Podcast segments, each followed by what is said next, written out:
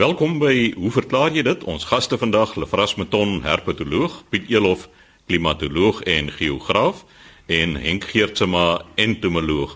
Lefras, ons begin vandag by jou en jy gesels oor probleme met vrugtevleermuise. Ja, Chris Andre Rabbi van Stellenbosch Hy het na aanleiding van ons het so 'n hele paar weke gelede oor vleermuise gepraat wat aan plafonne skuil, maar hy het nou probleme van 'n ander aard en dit is met vrugtevleermuise en die vleermuise mis teen die mure. Iets vreesliks. Ja. Nou in elk geval Sy vraag is so 'n bietjie anders. Hy wil nie weet hoekom hulle dit doen en hoe om dit te verhoed nie. Hy wil weet sommer reguit, is daar iets wat mens aan 'n boom kan doen dat hy nie vrugte dra nie. En in hierdie geval is dit nou, ek dink sy seun of sy skoonseun, daar staan 'n pragtige geelhoutboom en dit is nou die oorsaak van al hierdie moleste. Nou Ek kan sien hy wil graag sommer 'n middel hê wat jy moet met 'n inspuit naald kan loop na die boom hier onder teen die stam moet jy hom kan inspuit soos wat jy 'n dier sal inspuit en voilà dan is daar nou geen vrugte nie. Nou ek het vir hom slegte nuus dat dit is nie so eenvoudig nie. Maar kom ons begin net so ietsie oor vrugtevleermuise. Ek dink die meeste mense weet van vleermuise, maar ek dink hulle is bewus dat daar eintlik twee groepe vleermuise is. Jy kry jou Microchiroptera, dis die inseketers en dan die Megachiroptera. Dit is 'n groep van vrugtevleermuise. Hulle is ook baie groter. Hulle is dus nou herbivore. Van hulle sal ook nektar eet. So hulle speel hierdie groep speel 'n groot rol by bestuiving die nektarvreters en ook saadverspreiding. So ek sê van hulle baie groot dink die grootste se vlerkspan is hier so omtrent 1 en 'n half meter. So dit is hulle praat van flying foxes. Ja, dit is 'n as ek hy ding in die nag sien dan dan gaan ek groot skrik. Nou in Suid-Afrika is daar so drie spesies, twee van die witkool groep, die witkool vrugtevleermuis en dan is daar die een die Egiptiese vrugtevleermuis en ek dink dit is die een wat dan nou die meeste mense mee probleme het. Ek sou sê dit is nie net die feit dat hulle teen die mure mosie, maar so 'n vrugtevleermuis kan seker 'n redelike skade aan jou vrugte aanrig. Die Egiptiese vrugtevleermuis, soos die meeste vleermuise is maar hier in die tropiese en subtropiese dele van Afrika, maar hier teen die ooskus af, 'n dun strook kom hy af al die pad met die kus langs tot hierso by Kaapstad. En natuurlik, daar is seker nie baie vrugtebome in die droë sentrale dele in die noordwestelike dele nie. So die vrugtevleermuise is maar beperk tot die kusstroke. Nou terug by hoe verhoed mens nou hierdie gemors teen die mure. Daar is seker verskeie dinge wat mens kan doen. Jy sou 'n net kon oorspan oor die bome dat die vrugtevleermuis nou nie daar bykom nie, maar Henk, 'n geelhoutboom is dan seker hy kan 'n groot boom wees. As jy nou na woud toe gaan, kan jy sien dit word reusebome. Maar die ding is, ek dink jy moet net bietjie verder gaan. Ek het later kommentaar hoe om die skade te verhoed eintlik. So mense wat nou hulle vrugte intak wil hou, ja, hulle het nou 'n ander soort van probleem as die wat nou wil hê dan moet dit teen die mure gemors word.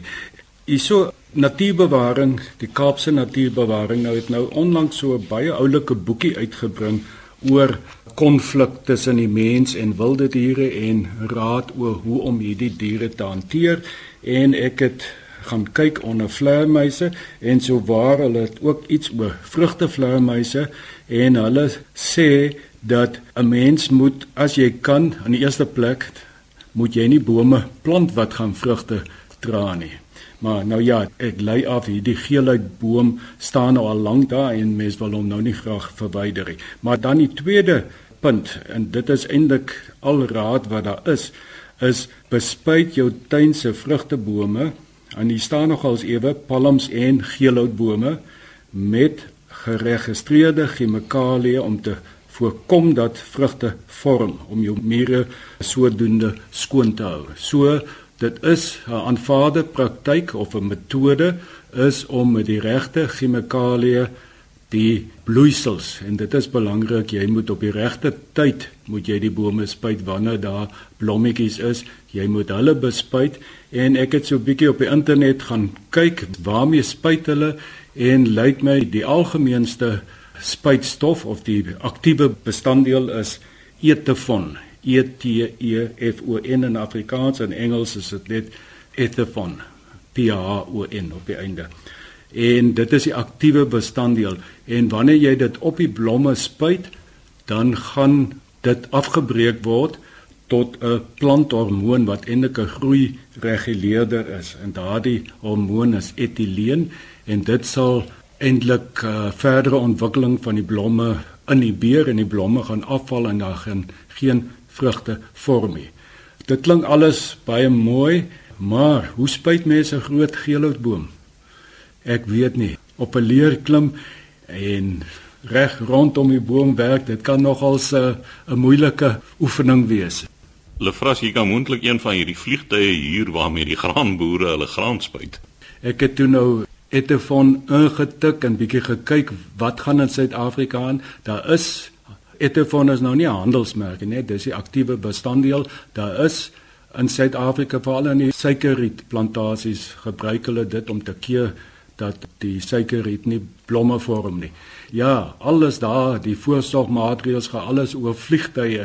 So jy sal moet dalk van hierdie klein, wat is hierdie klein vliegtyies wat jy moet die hand beheer, hierdie drones, jy kan dalk dit nou doen en so vliegtygie en sommer by jou buurman ook 'n draai gaan maak en sy, sy goeie spyt so Dit is die eerste probleem, dit mag prakties baie moeilik wees om groot bome te spuit. En dan die tweede probleem is dat hierdie spuitmiddel is baie nadelig vir die mens, né? As dit in aanraking kom met jou vel en met jou oë en inasem, dit is ja, dit is 'n gevaarlike middel. So wanneer dit toegedien word, moet mens baie versigtig wees wanneer jy spuit. Dit alles klink vir my nie baie praktiese metodes nie. So ek weet nie Henk, is jy nou gereed om 'n bydrae te maak? Ja. Die eerste plek die etofon is natuurlik 'n hormoon. En die ding is as 'n mens 'n plant bespuit met die hormoon, gaan jy altyd 'n drywing kry van die bepaalde hormoon. Met ander woorde, plante wat nie bedoel was om hulle vrugte te verloor nie, kan baie maklik met 'n bietjie wind warreling en windverstuwing kan ander plante ook geaffekteer word. So ek dink amper dis 'n onpraktiese middel eintlik vir die huisgebruiker. Ek meen wat hmm. suikerriet en so aangaan is 'n ander storie. Want byvoorbeeld kyk as 'n mens kyk na onkruiddoders vir plante, dis niks anders nie as groeihormone. Want spuit mense onkruiddoder op 'n plant, dan forceer jy die plant om vinniger te groei as wat sy wortels die water en voedingssappe uit die grond kan aantrek en die plant verlep en hy vrek naderhand. Nou, ek het 'n baie interessante geval gehad in my jare toe ek vir departement landbou gewerk het van 'n groot maatskappy wat hierdie hormone verkoop. Hulle het in Mieliland bespuit in die Vrystaat en terwyl die bespuiting aan die gang was, het daar skielik 'n windvlaag opgedaag en van die spuitmiddel het oor 'n ander boer se aardappellande gedryf. Die maatskappy het onmiddellik vir die aardappelboer gesê: "Luister, hier's 'n probleem. Ons het die wind onderskat en sê vir ons wat die skade is aan jou aardappeloes, dan sal ons dit vergoed, want dit is volgens wet word dit so gereël. 'n Jaar later gaan die verteenwoordiger van die chemiese maatskappy na die aardappelboer toe en sê vir hom maar wanneer kry ons 'n aanduiding van die skade? Sê die aardappelboer, watter skade? Hy sê as jy hulle volgende keer weer mielies bespuit, sorg dat die wind weer oor my aardappels van my aardappels het nooit so mooi gegroei as wat nou is nie want wat gebeur het is die onkruiddoder is op die minimale vlak op die aardappels gespuit wat die aardappelgroei bevorder het maar nie doodgemaak het nie so dit is waar vir mense moet oppas hierdie hormone as 'n mens kyk na sekere hormone wat 'n mens gebruik vir insekbestryding Nou wat gebeur het die rooi dopluis byvoorbeeld op sitrus is 'n groot probleem. Toe hulle nou 'n hormoon uitgevind wat die vervelling van die rooi dopluis beheer. Maar die ding is die sogenaamde eufenoon wat ons praat in ekdison die twee groeihormone is algemeen in die insekteryk bekend as die aanstigters of die stoppers van vervelling. Die spuit hulle nou 'n nelspruit of mobile deesdae, spuit hulle toe hierdie groei in die beerder wat verhoed dat die dopluis kan vervel, met ander woorde hy gaan vrek. 15 km verder waar mense met suiwerms geboer het kommersieel, het die suiwerms nie meer vervel nie. Hulle het die hormoon opgetel. So mense moet baie versigtig wees met die gebruik van hierdie hormone. Ek stem 100% saam en dit wat ek nou opgelees het is absoluut die konsentrasie en wanneer jy spuit is van kardinale belang vir die rede hoekom jy spuit. Daar's baie ander redes hoekom mense etofon gebruik is om ruitwording te verhaas en om kleurvorming te bevorder al sulke dinge. So as jy op verkeerde tyd in verkeerde konsentrasie spuit, kan jy baie groot skade aanrig. Ek het ook opgelees dit is eintlik 'n baie interessante aspek dat mens teoreties behoort 'n mens deur die daglig lengte langer te maak of korter te maak sou jy kon verhoed dat blomvorming plaasvind. Mens sou teoreties 'n lig kon skyn op die boom, 'n ure aand of 2 ure aand en dan gaan die boom heeltyd bly in sy groei stadium en hy gaan nie oog gaan na blomvorming nie. Maar op die lange duur weet ek nie as jy die dag vergeet of hy dan nie geweldige klomp blomme gaan lewer nie. Hulle vra as my probleem is net gewoon as jy daai lig in die nag wil skyn en dit beerdkrag dan bly dit donker. En dit is ons probleem in Suid-Afrika ten dele. Ek het al te doen gekry met hierdie vrugtevleermuis probleem. Jy weet ek doen so 'n bietjie konsultasiewerk. Eerste plek Die vrugtevleermuis het 'n verbasende vermoë om vinnig sy voedsel te kan verteer. Skynbaar as hulle vrugte vreet, dan binne 'n halfuur dan word dit ontlas. Nou die ontlasting gebeur nie in vlug nie. Nou byvoorbeeld as mense huis het en jy te geut, sal mense opmerk dat as hulle klaar gevreet het, dan hang hulle aan die geut en wag tot die beurt kom om te ontlas. Nou ontlassing maak daai blertse teen die muur. Veral as jy nou die Australiese kersie gebruik, kry jy seker mooi persvlekke op die wit muur. Dit is baie mooi eintlik. Maar die ding is wat 'n mens kan gebruik, wat ek aanbeveel het by 'n groot maatskappy en dit het, het gewerk, is nommer 1 is om die geute te begom. 'n Mens kry gom wat jy gebruik vir hierdie duwe in die stad by die vensterbanke van Mars en so aan dan kry jy 'n spesiale soort gom wat op die vensterbank geverf word sodat as die duif daarop gaan sit, dan begin hy of gly of vasklou en hy vlieg weg. Nou dieselfde met die geute wat ons op die manier beverf het met hierdie gom. Die tweede ene wat ek ook aanbeveel het is om 'n skerp lig op die in hierdie geval was dit lookwartbome om 'n skerp lig op die hele omgewing te laat skyn want lig hou hulle ook weg. Nou, soos Piet nou gesê het, nou, jy weet as dit nou met beurtkrag en so is, dan is dit 'n bietjie van 'n probleem. En natuurlik ook hierdie vrugtevleermuise is seisonale verskynsels. En dan verder, Befras het gepraat van palmbome. Nou palmbome is natuurlik waar daar nie grotte of iets aanwesig is nie, is ideale skuilplekke vir vleermuise in die dag. Henk ek stem met alles saam. Ek weet net gom op geete gaan op die einde baie meer onooglik lyk. As wat die mis teen die mure is.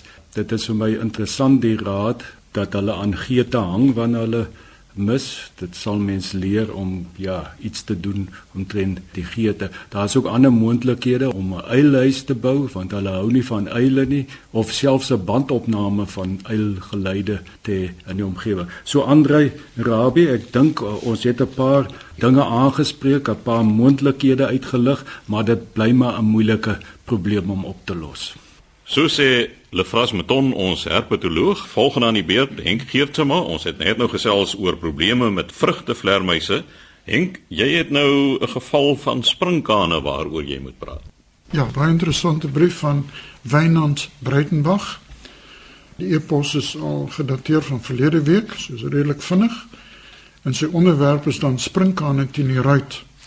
Nou sê hy, hy ry gereeld op sy plaas, by twee spoor paadjies met die gras by middelmannetjie soms so lank dat die sade tot op sy bakkie se enjin kap slaan terwyl hy ry. En dan as dit gebeur, is daar verskillende soorte sprinkane wat op die gras gesit het wat dan op die bakkie se vooruit te lande kom. Terwyl die springkaan op die buitekant van die ruit sit, kan ek aan die binnekant teen die ruit doen wat ek wil. Ek kan selfs teen hom klop, maar die springkaan bly rustig sit. Nou het hy die volgende vraag. Kan die springkaan dan nie onder toe kyk nie? Kan hy nie deur die motorruit sien nie? Pla dit hom nie wanneer ek teen die ruit klop nie. Is hy so bevrees omdat hy voel hy sit op iets, maar hy kan niks sien nie en voel dus onseker. My sê hy sal bly wees as die slim mense vir my 'n verklaring kan gee. In die eerste plek, terwyl jy met die bakkie ry, versteur mens die springkane. En natuurlik die springkane vlieg op en baie van hulle vlieg sywaarts weg van die bakkie af, maar ongelukkig is party van hulle land dan op die bakkie se vooruit. Nou, as jy mens kyk na die struktuur van die springkaan se poot. Nou weet die springkaan se poot bestaan uit sewe elemente. En dan as jy mens kyk na die sogenaamde toongedeelte van die springkaan, sal jy sien dat die aantal segmente, 5 in hierdie geval, het sulke verbredings, kan 'n mens sê. Nou hierdie verbredings is behaard, as fyn haartjies daarop as jy mens onder die mikroskoop daarna kyk, En as die springkaan op 'n gladde oppervlakte kom, dan klou as dit ware die springkaan vas aan hierdie gladde oppervlakte deur middel van hierdie verbredings van die plaatjies, die tarsale plaatjies. So die springkaan bly sit. En natuurlik terwyl 'n mens ry, is daar lugdruk wat teen die venster druk wat die springkaan ook op die ruit hou. Want die springkaan kan nie nou ontsnap nie. Want nommer 1 sit hy lekker vas teen die ruit en nommer 2 Die windspoed hou hom net daar waar hy sit. Nou kan die springkaan nie onder toe kyk nie. Springkane kan baie goed kyk. Hulle het sogenaamde saamgestelde oë, maar natuurlik die interessante ding is saamgestelde oë van insekte kan nie 'n beeld vorm nie, maar hulle kan wel beweging sien. Nou as jy as 'n springkaan op die venster ry sit, al beweging wat jy kan sien is die van die bestuurder in die binnekant wat dit in die ruit klop. Maar die ding is, die oog van die springkaan bestaan uit klein fasette. Nou sekere fasette sal die beweging sien van die klopgeluid, maar nie almal nie. Die springkaan sit nog steeds vasgedruk. Hy sien na hierdie klopper, maar dit hy ervaar dit nie as 'n bedreiging nie, as 'n beweging wat hy moet op reageer nie, want hy sit vas. En dan kan hy nie deur die motoruit sien nie. Natuurlik hang af hoe skoon die motoruit is. As dit mooi skoon is, kan hy wel deur die ruit sien, maar weer eens, hy kan nie 'n volledige beeld sien nie. So al klop jy, jy kan nie die hele boer se gesig sien met die hand wat klop en te kere gaan nie. Jy sien net 'n klein deeltjie wat klop.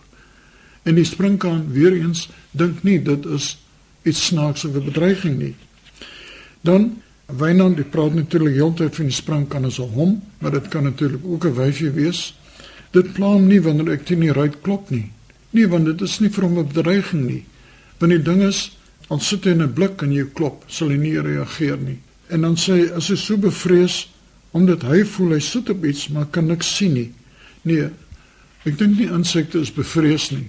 Hulle reageer wel deeglik op sekere prikkels en so. In hierdie geval is die arme springkaan is vasgevang op die ruit en jy sal sien so gou die bakkie tot stilstand kom, dan beweeg die springkaan.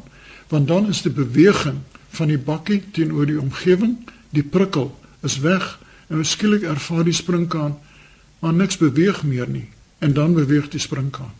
Henk, ek moet eintlik saamstem met die persoon wat die vraag vra. Ek sien baie in die huis, jy weet teen die venster aan die buitekant dan sit daar een of ander iets, 'n groot brommer of 'n ding en dan as jy dan tik daar teen die venster en die ding bly net sit. So dit is asof hulle nie onder toe kyk nie. Die ding is natuurlik baie kere as 'n vlieg teen 'n venster sit, dan sal jy wel sien as 'n effense herposisionering van die insek self, maar hulle sal nie wegvlieg as jy 'n tik teen die ruit gee nie. So, nogtans is 'n interessante waarneming, maar die springkaan sit. So sê Henk Geertsma ons entomoloog oor springkane. Laaste aan die beurt Piet Elof, ons klimatoloog en geograaf. Piet, jy gesels oor mis en nou net om enige onduidelikhede uit die weg te ruim, jy kyk klimatologies daarna. Ja, Chris, as klimatoloog is 'n mens dikwels hoog in die wolke of diep in die mis. Ek het 'n briefie gekry van Mimi en as ek van die adres aflei dan moet dit waarskynlik elders in Port Elizabeth wees en sy vra twee vrae. Sy sê wat kan sy aflei van die wolke wat sy sien? En die tweede vraag is mis nie ook maar net wolke nie. Hoekom praat ons dan van wolke en mis? Nou Mimi ons het vanoggend net tyd vir een van die vrae en ek gaan kyk na jou tweede vraag. En dit is nou wat is mis dan nou eintlik? Nou, ek dink die verskil lê gewoon in die wyse of die manier hoe dit ontstaan of hoe dit vorm. Wolkvorming is gewoonlik die resultaat van lug wat styg en afkoel, kondenseer en dan wolkdruppels vorm. Terloops, ons het ongeveer 'n miljoen wolkdruppels nodig om een reendruppel te vorm. Net om vir jou idee te gee hoe klein daardie druppeltjies in in die wolk self is. Nou mis word gedefinieer eintlik as 'n wolk. So ja, dit is 'n wolk, maar sy basis is of naby die grond of op die grond. Met ander woorde, jy kan daar intrap. En ek kom net nou weer terug na daardie punt toe. Nou, ons weet wolke vorm dan wanneer lug styg en adiabaties afkoel, kondenseer, maar mis is die resultaat van afkoeling of die toevoeging van addisionele vog in die lug self. En hierdie afkoeling vind gewoonlik plaas omdat die lug in aanraking is met die grondoppervlak. Die grond word koud, dit koel die lug af daarbokant en ons praat dan van stralingsmis of radiasiemis.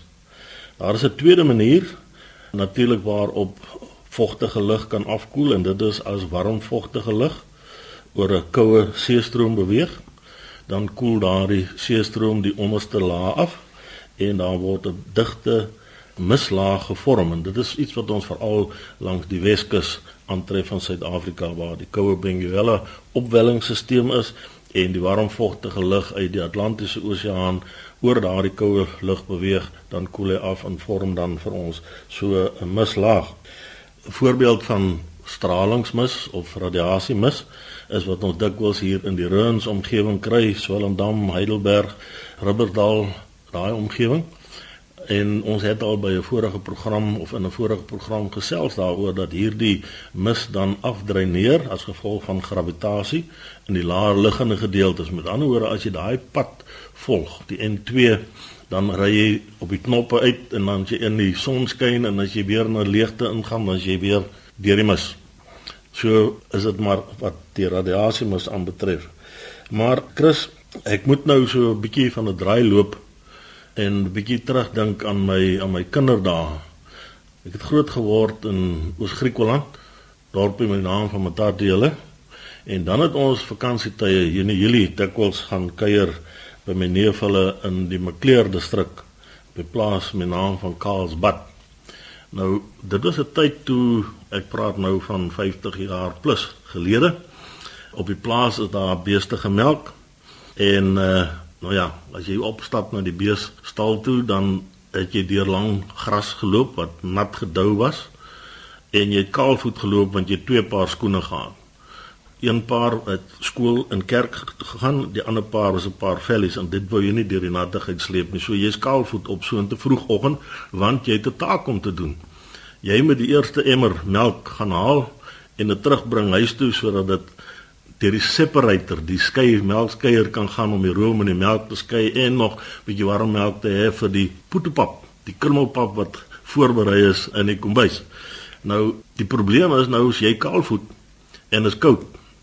In die melkstal is die koei se bene gespan met 'n riem in 'n ring en die oom wat melk flip Hy sit op 'n houtblokkie met die emmer tussen sy bene. Hy span die koei se bene sodat sy nie die emmer omskop nie. In die tussentyd is die kalf ook losgelaat want as die kalf by die koei is, dan sak sy vinniger en jy kan makliker melk. Aan die ander kant sit die kat ook een kant. Want as jy as jy weet met daai duim en voorvinger Daai speen trek, flip is nogal heel behendig daarmee dan swaai hom kant toe dan streep hy die kat se gesig so met 'n bietjie melk. Die kat is ook slim genoeg, hy vat sy voorpoot vee oor sy gesig en dan lek hy die voorpoot af om die melk in die hande te kry. Maar nietemin langs storie kort te maak om jou voete warm te kry. terwyl jy wag vir daai eerste emmer melk, sien jy maar hier in die kraal lê so 'n bees miskoek en die stoom trek daar uit. Dan druk jy met gemak jou kaalvoetjies daarin sodat dit warm raak is dat jy nie meer so koud kry nie. Die stoom wat daar uittrek is dan eintlik die vog wat uit daai mis uittrek wat afkoel en dan die stoom waar vorm so dis eintlik letterlik en figuurlik 'n miskoek.